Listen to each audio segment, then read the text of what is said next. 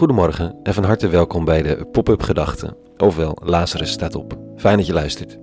Ik ben Rikke Voorberg en ik schrijf elke ochtend al denkende weg een overweging om de dag mee te beginnen. Gebaseerd op de lezingen van de dag. Vandaag met de titel Altijd geworteld.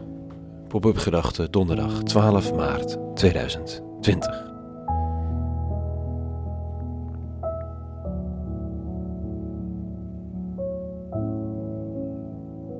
De wind giert om het huis vanochtend en het is nog donker.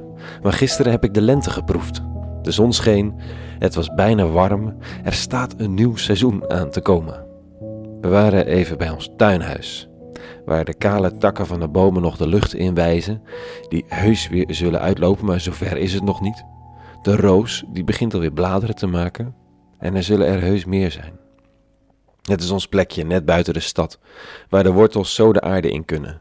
Dat lukt niet in het appartement driehoog in een toch wat versteend Amsterdam. Hoe blijf je geworteld? Wat er ook gebeurt.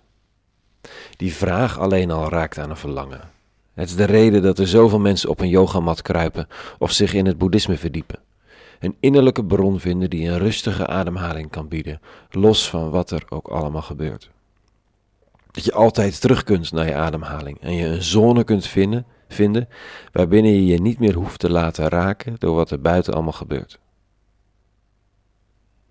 Datzelfde verlangen naar rust kent het christendom. De dichters spraken ervan in de psalmen, de profeten eveneens. En, het, en vaak ging het over bomen, geworteld aan rivieren. Dit staat er vanochtend, bijvoorbeeld. Gezegend is hij die op de Heer vertrouwt en zich veilig weet bij hem, want hij is als een boom aan een rivier, de wortels tot in het water. Hij heeft geen last van de hitte, zijn bladeren blijven groen. Een tijd van droogte deert hem niet, hij blijft altijd vrucht dragen. Waar de boeddhist rust vindt in zichzelf, vindt de Joodse profeet Jeremia de rust buiten zichzelf. Hij rust in de eeuwige. Een vertrouwen dat er een kracht is geweest aan het begin van de wereld, die er aan het eind van de wereld nog zal zijn en die je draagt. Je kunt compleet aangedaan zijn, verdrietig, verwoest, vernederd, verlaten, verbaasd en nog veel meer ver dingen waar ik nu niet op kan komen. Maar de eeuwige is er altijd. Meevoelend, meebuigend, meebriesend, meehuilend. Zonder ooit van de sokken geblazen te worden. Want in de eeuwige bestaat al het leven. Dat is de gedachte.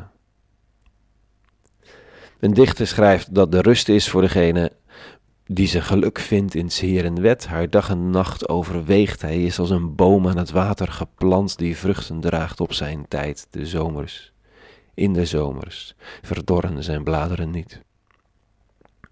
Ook bij hem is het extern, denken over het goede, het zuivere, het volkomene en wat ons dan staat te doen ten opzichte van de ander, de wereld, de naaste, de vreemdeling, de koe, de akker en het zelf. Dat was allemaal vastgelegd in een briljante verzameling van meer dan 300 voorschriften. Een blauwdruk van een eerlijke wereld. Wie op die manier zijn weg zoekt, zijn hart tot rust brengt en mediteert, en dus niet in een blauwe hinein, en niet naar binnen toe, als het allemaal mooi hè, maar als actief gericht op de vraag wat nu goed is om te doen, volgens de blauwdruk van de eeuwige, de Torah, ja, die verdort niet, belooft de dichter. De yogamat van het christendom is geen vliegend tapijt dat je in hogere sferen brengt. Het is ook niet de weg naar binnen zomaar. Het is de weg om te gaan. Zoals Jezus van Nazareth die ging. Naar de geest van al die 300 zoveel geboden uitgewerkt in de Torah. Een dagdagelijkse, eerlijke omgang met de ander, de partner, je kind, je huis, de boom onderweg en de koeien in de wei. Dat doende zal de rust onuitputtelijk blijven. Zo blijf je geworteld. Al dus de teksten van de dag.